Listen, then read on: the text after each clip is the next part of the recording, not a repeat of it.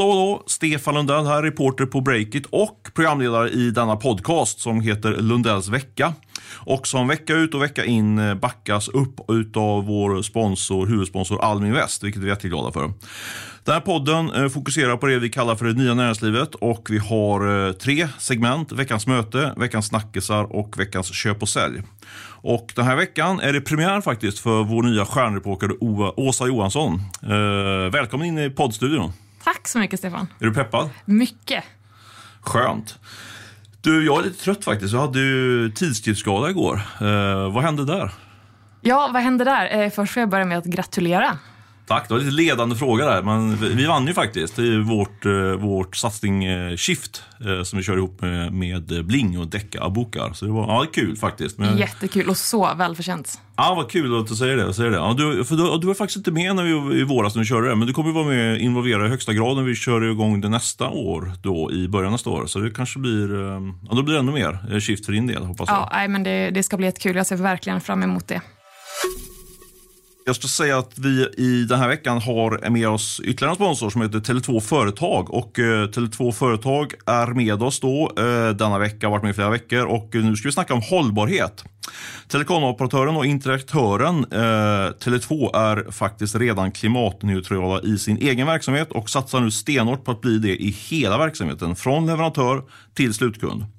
Här är 5G en viktig pusselbit för den nya tekniken. 5G är faktiskt en liten del av lösningen på hela klimatfrågan. Det visste inte jag innan Tele2 Företag kom med som sponsor här, men det har jag fått, fått klart, klart för mig. För, eh, tack vare 5G-tekniken så minskar ju dels energiförbrukningen rejält och så öppnar tekniken upp för en rad nya innovationer som i sig kan bidra till en mer hållbar värld och hållbara lösningar.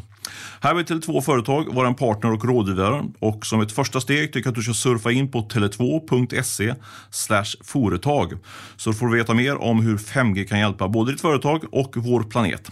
Gör det nu, gör det nu. Det var vår sponsor och nu ska vi rulla in på veckans möte.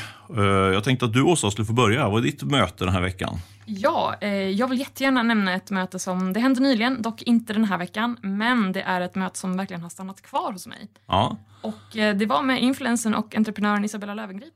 Oj, tungviktare. tungviktare. Ja, absolut. Ny, aktuell med ny bok. Precis. Det. det. var också därför vi fick chansen till ett intervjutillfälle. Hur länge fick du prata med henne? Det var närmare 45 minuter tror jag. Ja, ja nu är det sitt ja, men, det, ja. det var det verkligen. Och eh, ja, men det var jätteintressant såklart. Eh, I och med den profilen hon har varit och fortfarande är.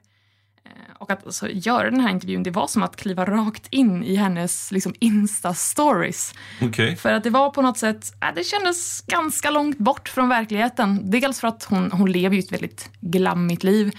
Men också i och med det som har, har hänt i hennes värld och då, då menar jag det att hon har ju skarvat en del med, med saker som man kanske inte skulle ha skarvat med. Mm. Um, exempelvis då följa siffrorna som, som var upplåsta, de stämde ju inte. Uh, och såklart så pratar vi om det. Men vi snackade också en del om influencerbranschen mm, mm. som verkligen har, har liksom rusat, uh, kan man väl ändå konstatera. Uh, och hon berättade det att tidigare så kunde hon ta närmare 100 000 kronor för ett blogginlägg. Eh, men nu har den siffran dalat till 60 till 70 000 per inlägg. Okay, okay. Eh, På grund av ökad konkurrens eller att hennes popularitet har dalat eller vad tror du? Ja, men hon, hon menar ju att det är för att det är ökad konkurrens. Det är fler influencers på marknaden och det är svårare att få de här jobben. Men samtidigt så kan det ju vara så att hennes förtroende inte helt är återställt. Nej, nej, nej. Men en kombination kanske, för det är väl ändå, ändå ett... Eh, ja, det är väl ökad konkurrens helt enkelt också i, här, i det där segmentet får man väl säga va? Oh ja. Ja, spännande. Och, kände du att du kom, kom igenom den här liksom, eh, som säga, glamour, bubblan eller eh, fasaden? Så, liksom? Hinner man det på 45 minuter eller känns det som att man ändå bara lite grann refererar hennes, hennes budskap ut? Sådär, liksom? vad, vad är din känsla? Jag kom nog inte igenom fasaden helt och hållet i någon lite för kort tid, men eh, snudd på ja. i alla fall. Härligt. Och det finns också en eh, spännande intervju som du, vi publicerade för en vecka som var ungefär, va? som du lägger ut på sajten. Som, ja, men exakt. Ja.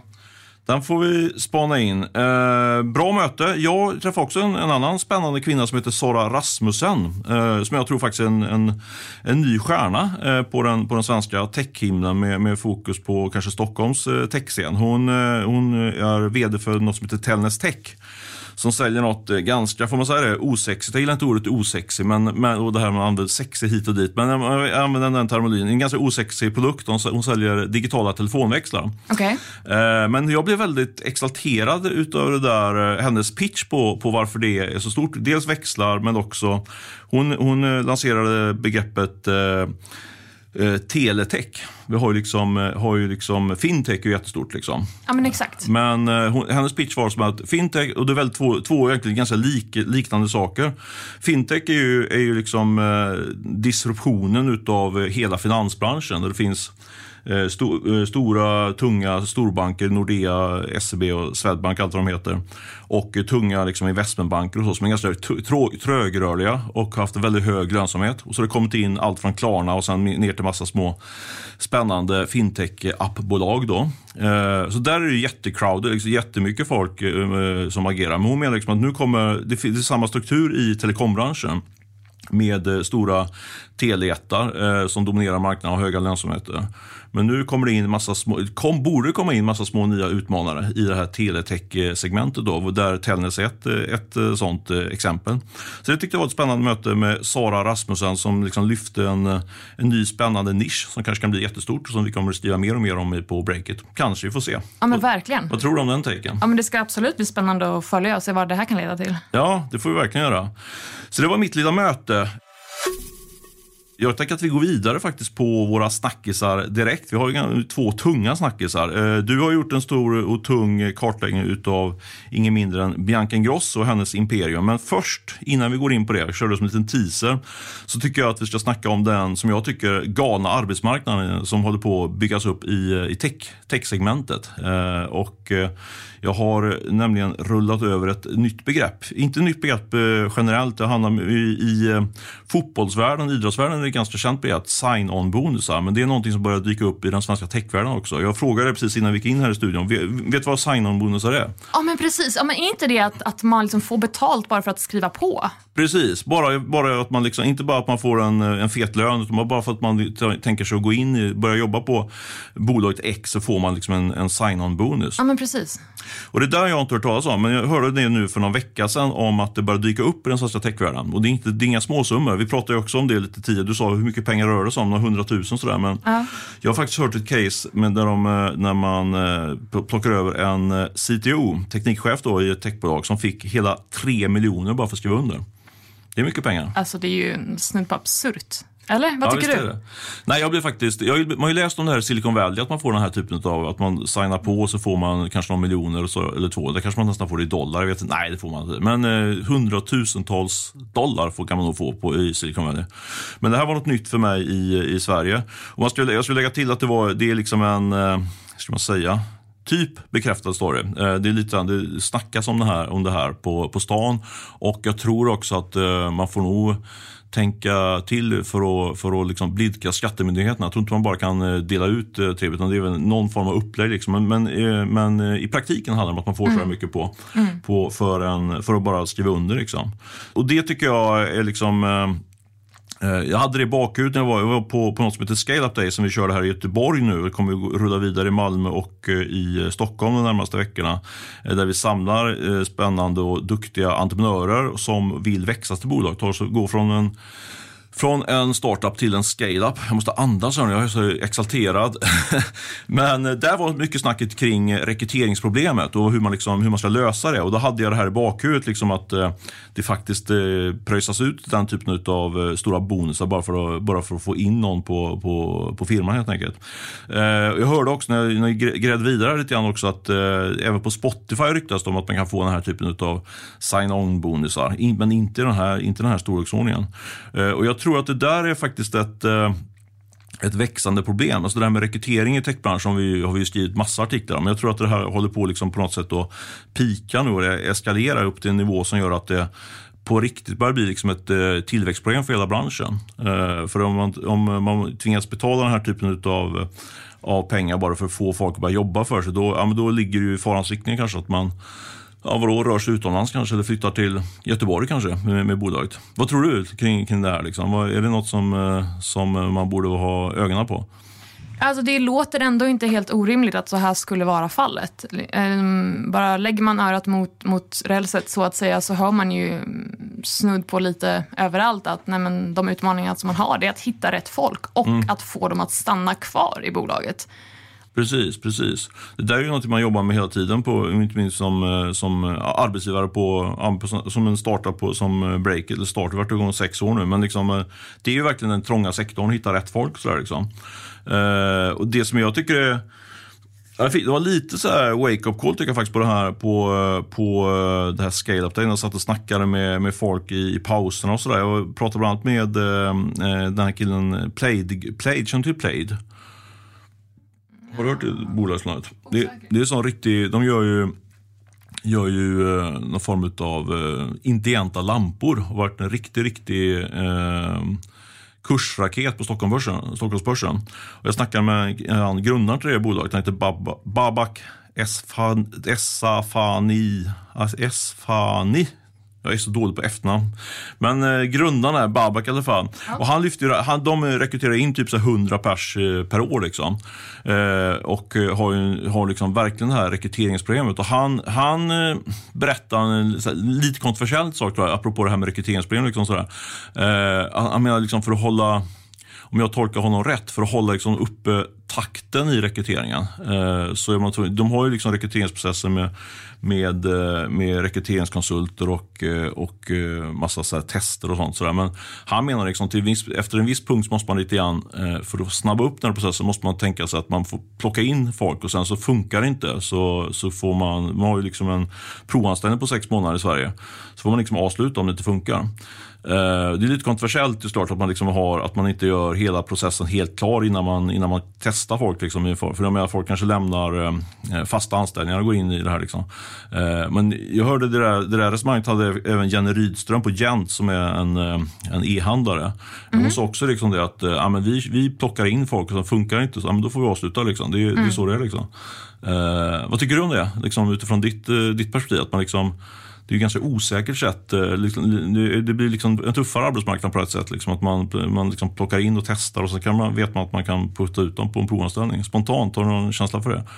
Ja, alltså man fattar väl ändå att de, de behöver ha en, en provanställning ett tag. Men eh, arbetstagaren kanske inte blir superglad. Men Nej. om, om liksom, vad skulle alternativet vara? Ja, men det är väl att man gör processen eh, bättre och man, liksom inte, man går inte in i ett anställningsförfarande utan man, säger liksom, man, man tackar redan innan. innan för menar, du kanske säger upp dig från ett jobb och går in i, i det här då och sen så, ja. så tar en risk. Liksom. Så jag, jag, är lite kluven till det här. Liksom, sådär. Men eh, jag vet när vi gjorde vår första eh, avslutning på provanställningen hade jag jätteångest. Jag tyckte det var en jättestor grej liksom, att avsluta en provanställning. Men de var verkligen så här, de, här, de här andra drivna entreprenörerna. Liksom, att äh, man måste våga ta det här steget och, ja. och klippa snabbare. Så. Men jag är lite kluven. Men det är intressant. Du, är inte så här, du tycker inte det är jätte, jättehemskt utifrån ett uh, arbetstagarperspektiv att tänka så? Nej, jag tänker att det skulle kunna vara värre. Det kanske inte är att föredra liksom, högst upp på listan, nej. nej men nej. Eh, det skulle kunna vara värre, absolut. Okej. Okay. Skönt. Ja, men, eh, då är vi inne på snart i alla fall. Jag tycker vi ska rulla in på vårt andra segment som är, som är lite grann vårt huvudsegment. Du har gjort en stor granskning i flera veckor och jobbat, eh, inte, inte på heltid, men eh, ja, vad tror du? Hur länge har du jobbat med den här granskningen av Bianca Ingrosso? Ja, det, har, det har tagit några veckor, absolut. Mm. Tanken var från början att det skulle ta några dagar, men det växte och blev större för att det var så himla intressant och det fanns så mycket mer att, att höra, så många fler att fråga. Så vi körde på helt enkelt. Ja, jag, verkligen, du verkligen, jag sitter mitt emot dig här på, på break. Jag har verkligen, verkligen känt hur din energi har ökat och ökat inför det här jobbet. Liksom. Vad, är, vad är det som fascinerar dig med Bianca Ingrosso och hela det, hela det um, paketet? Liksom? Ja, alltså det, det som uh, vi har gjort då uh, är att vi, när vi började liksom snacka på redaktionen här att vad är det som har gjort Bianca Ingrosso till en sån makthavare som hon faktiskt är i det nya näringslivet? Eh, så vi bestämde oss för att prata med en rad källor, samarbetspartners, konkurrenter och personer i, hennes närhet för att få en klarare bild av det här. Och nu eh, en rad med långa intervjuer senare så, så kan jag bara konstatera att, att flera stora aktörer verkar nästan betrakta Bianca Ingrosso som en nyckel till låsta dörrar. Och det kanske hon är. Också. Vilka låsta dörrar då? Nej, men exempel? exempelvis att, att influencers som, som Ingrosso då exempelvis ingår i samarbeten för att marknadsföra, göra reklam för ja, men smink, det kan vara kläder, vad det än må vara, för att liksom locka till försäljning. Det, det vet vi om. Men flera av de källorna jag har pratat med ser att här finns mer än det att hämta och det finns mer än pengar att hämta. Som vad då? till exempel? Vad tänker du då? Nej, men nu exempelvis en aktör vill, vill förändra kundbeteenden.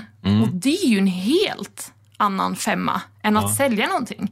Det är liksom, man kan ju ta det här så djupt man vill liksom, när det kommer till att förändra hur, hur människor beter sig. Och då tänker du liksom att man tidigare kanske sett på Bianca Ingrosso som är någon som liksom är lite mer snabb kränger saker för, för företag. Liksom. Men det här är liksom, hon, hon är mer på en mer liksom strategisk varumärkesbyggande nivå liksom, på, för företagen. Ja men absolut. Förut har det varit mer skyltfönster så att säga. Men nu är det mer gör som hon gör. Och det innebär, antar jag, nu, det här kan du berätta mig, men att de kan också kan höja prislappen på sina tjänster kanske. Alltså när man ser det, för, liksom ser det värdet för, som ett företag, som potentiell, alltså som köpare av hennes tjänster, så att, säga, att man kan, hon kan höja prislappen. Ja, absolut. Det, det tror jag säkert. Det skulle förvåna mig mycket om hon inte kunde göra det. Apropå på det vi snackade med Isabella Löwengrip, jag antar att uh, Biancas uh, prislapp är högre än, uh, än uh, Isabellas när det gäller, uh, om man tittar på kontaktkostnader och sånt, eller vad tror du? Ja, absolut. Det tror jag. Jag har faktiskt inte fått fram den siffran. Men eh, en av de aktörerna jag pratat med är Nelly. Och eh, ja, de vill ju inte berätta vad, vad den här prislappen landade på. Men samarbetet med Ingrosso har ju uppenbarligen haft väldigt betydelse för hon nämns i deras eh, kvartalsrapport för tredje kvartalet i år. Det är så? Ja. Ja. ja. det säger ju en del om vad, vad tyngden liksom. Oh ja, verkligen. Annars då? Vad, vad, kan du kan du, nu kommer det här, det här reportaget kommer publiceras nu på, på fredags, fredag morgon. Eh, Den här podden Ja. kommer ut numera på torsdag eftermiddag kväll. Ni som är allra hungrigast på podden får ju den redan då. Vad, eh, något mer då? Kan du glutta lite grann på, på innehållet redan nu? Ja, men nå- någonting som är, eh, är väldigt intressant tycker jag är ju att eh, riskkapitalbolaget Verdane gick Mm. in som majoritetsägare i eh, Ingrossos eh, bolag Kaja Cosmetics, då ett sminkbolag. Det måste, det måste jag bara flika in som, som eh, Breakit-fan. De träffades, visst var det så? För det, jag, har jag har ju fått läsa snabb, snabbläst lite grann ditt knäck och då, visst var det så att de träffades på ett Breakit-event första gången? Så det skapas affärer på Breakits event? Ja, så? exakt, exakt. Eh, det har Verdane berättat för mig. Um, Vem är det på Verdane du pratar med? Henrik Aspen. Henrik Asper, partner där, just det. Ja, precis. Ehm, och i alla fall, när, eh, nu när jag pratar med honom inför det här reportaget då, så eh, ha, först och främst kan jag säga att han tidigare i år har sagt att Kaja kan, kan bli en av deras bästa investeringar. Mm. Ehm, och det är väldigt intressant. Och Då har de gjort, jag tror, minst 100 investerare, kanske 150. Ja, ja. många, många e-handelsinvesterare. Ja. Ehm, men med det sagt så, så eh, frågar jag ju också liksom, hur beroende är Kaja Cosmetics av att Bianca Ingrosso är med och marknadsför? Helt och hållet skulle jag säga som en lekman, eller va? Det säger jag också. Men Henrik Aspen då säger att eh, Kaja lever på egna meriter. Men det, det, det låter högst osannolikt. Jag skulle säga att det är... Visst, alltså han måste ju säga det. Ja, Såklart. ja. Självklart. Eh, men det är hon som skapar en efterfrågan av de här produkterna genom hennes relation till hennes väldigt många följare. Så alltså, skulle hon göra en, en exit från bolaget helt och hållet, liksom sälja av, eh, inte marknadsföra alls eh, innan Kaja står helt och hållet på egna ben, nej, men då tar hon väldigt många av kunderna med sig också skulle jag säga. Men tror du att det är ett, ett scenario som man kan tro då, är rimligt att, att eh, precis som du sa, att Kaja kan stå på egna ben utan, eh, utan Ingrosso liksom, i, i, i närtid? Liksom? Eller är det något man ser långt framför, framför sig? Liksom? Jag tror inte att det är någonting som skulle ske i närtid. Jag tror att det, det är flera år fram i tiden. Och för att återkoppla då till Isabella Löwengrip, hon berättade ju för mig att, att eh, ja, men vi pratade lite om, om vad hon vill göra nu framöver. Mm. Eh, och då berättade hon att, nej, men att, att ett liknande bolag som Löwengrip Beauty, som ja, hennes skönhetsbolag då, som hon sålde, det är inte aktuellt att göra någonting liknande. För att när hon sålde av det så signade hon också någon form av liksom, konkurrensklausul, så hon får inte starta ett nytt bolag i samma bransch. Alltså eh, aldrig? Så eller? Nej, jag tror inte det. Ah, okay, Eh, okay. Och samtidigt så i det avtalet slöts också att hon ska stanna kvar och marknadsföra de här produkterna från Löwengrip Beauty då i tre års tid efter att den här affären liksom var klar. Mm. Och då berättade hon det för mig att nej, men det, det är liksom för att, för att vänja hennes följare och kunderna vid att nej, men nu är Löwengrip Beauty ett bolag som står på egna ben och det är inte så sammanflätat med henne längre. Intressant, det kan, man ju, det sätter lite grann den här dealen i ett nytt, för men jag, jag tror att, nu kommer jag, jag måste ju, borde ha koll, jag tror att de sålde för 50 miljoner ish, men de sålde för många miljoner i alla fall. Sådär. Men samtidigt kan man ju vända på det liksom, jag menar Isabel Löwengrip är väl 30 plus någonstans, men hon ska ju leva som entreprenör många år framöver. Och det, då stängs den eh, dörren så att säga. För, för, för och det känns som en ganska eh, naturlig nisch för henne att starta, starta något nytt i kanske. Liksom, sådär. Men då, det får hon liksom leva med då så att säga. Hon har lite sålt, och, sålt den möjligheten kan man säga då. Ja, precis. Det, det kommer nog inte komma på tal igen. Nej, intressant, intressant. Ja, men du, ska vi säga något mer eller ska vi gå vidare? Känner du, känner du nöjd med, med, eh, med pitchen för ditt, ditt väldigt bra Bianca Ingrosso-knäck? Eller ska, något mer, någon mer detalj du vill plocka upp innan vi går vidare? Ja, men tack så mycket Stefan. Du, jag skulle kunna snacka om det här hela dagen så att det kanske är bäst om vi går vidare. Ja men absolut. Ja, men det måste ni spana in. Får se om det blir en, eh, jag misstänker att det blir en premiumartikel, men det är ett billigt premiumabonnemang på, på breaket så det är bara att signa upp sådär. Du, eh, vi går in på vårt sista segment som är veckans sälj och köp. Och, eh, jag kastar mig över sälj faktiskt. Vi, fick ju en, eh, vi spelade in det här nu, nu torsdag 8.45 för att vara exakt. Eh, och eh, bara för en knapp timme sedan var det väl så kom ju rapporten från Readly. Ja. Som jag blev lite exalterad, det låter lite hemskt att säga. Men det var en intressant rapport måste man säga. Så jag, jag sätter faktiskt veckans sälj på Maria Hedengren på Readly. Okay. In, inte framförallt kanske för, vet, de, de, de är så nedtryckt den här aktiekursen. Jag är inte säker på, jag ska inte säga något kategoriskt om hur kursen går idag. Även om jag tror det kommer gå ner lite grann. Men eh, ni har ju facit nu när ni lyssnar. Så jag ger mig inte in på den. Eh, den utan säljen är framförallt om man tittar på, på verksamhet som sådan. För i rapporten så så flaggar Maria, för, eh, Maria Hedingen för att eh, den organiska tillväxttakten eh, minskar nu framöver. Och Det är en riktigt dålig datapunkt för ett tillväxtbolag som Readly.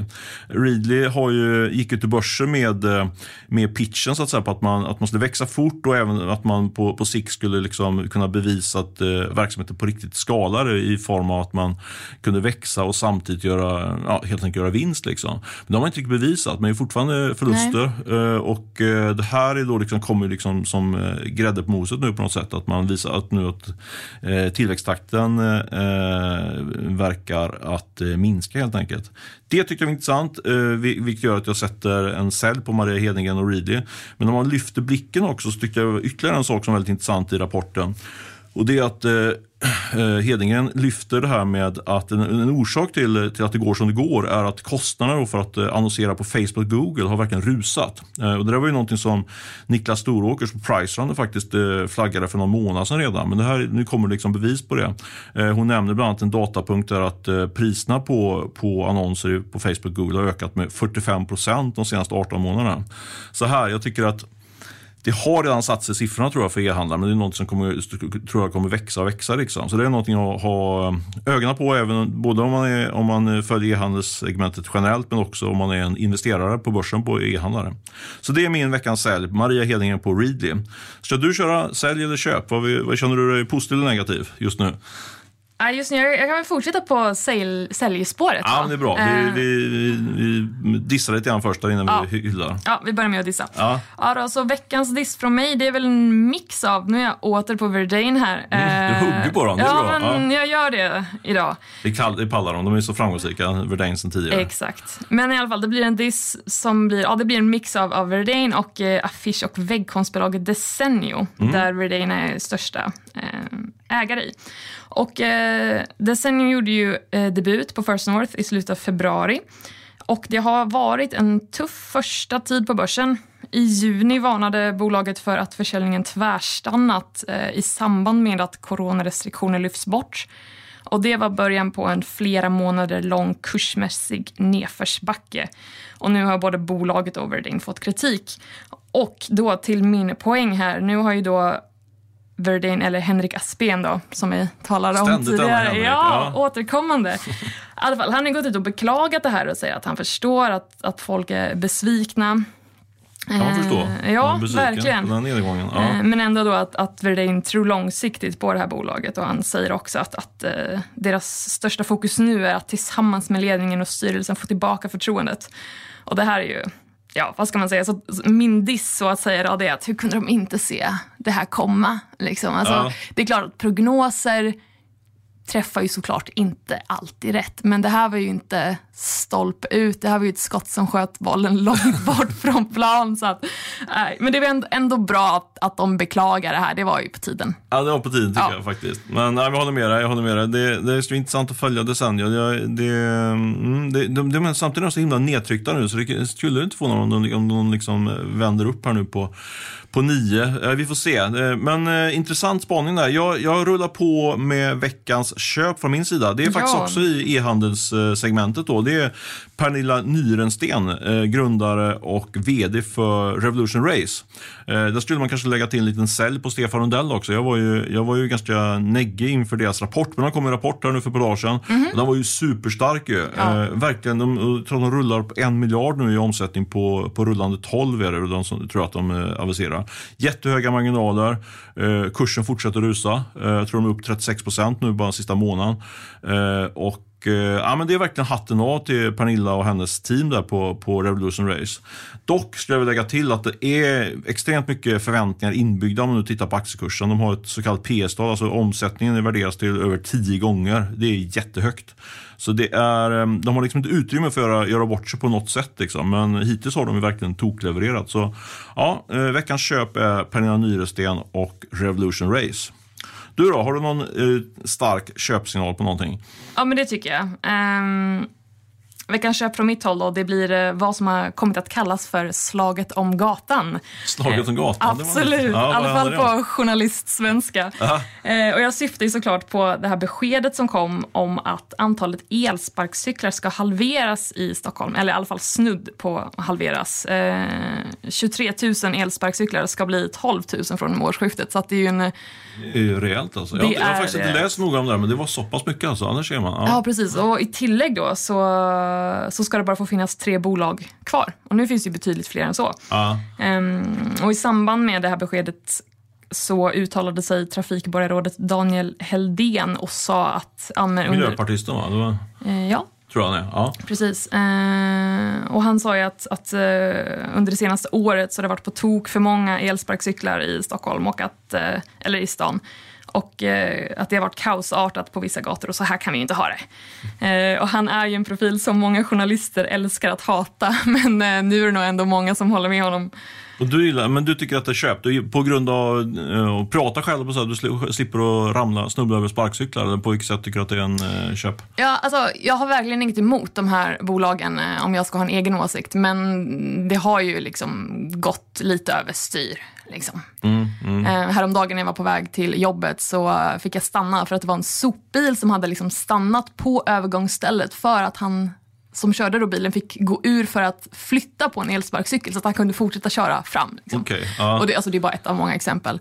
Så att, eh, men det ska då bli intressant att se liksom, vilka aktörer uh. blir det som, som blir kvar. För, liksom, har, har, du hört någonting om hur det här ska gå till? Liksom? Nej, inte mer än att jag är tämligen säker på att Voi kommer vara en av dem. Och så Frick tror jag kommer bli en vinnare på det här. Att de, kommer, de har ju liksom spelat det där spelet, att de, de, de vill ju ha det regulatoriska spelet. Att de, mm. vill, de, tjänar, alltså de stora aktörerna tjänar ju på, på mer eh, regler och, och eh, ordning och reda kan man säga. För det, kostar, ja, är dyrare för det är mycket svårare för mindre konkurrenter att leva upp till de här kraven och så kommer de kunna få de här licenserna i stad efter stad och sen så kan de gradvis eh, skruva upp priset när det blir någon form av oligopol. Så jag tror att det, det är nog det som är, är Voi och de andra stora, stora spelarnas eh, strategi här. Liksom. Ja. Så jag, om jag slissar på en så tror jag, jag är helt säker på att Voi kommer få en av de här licenserna. Men vi får se. Ja, vi verkligen se.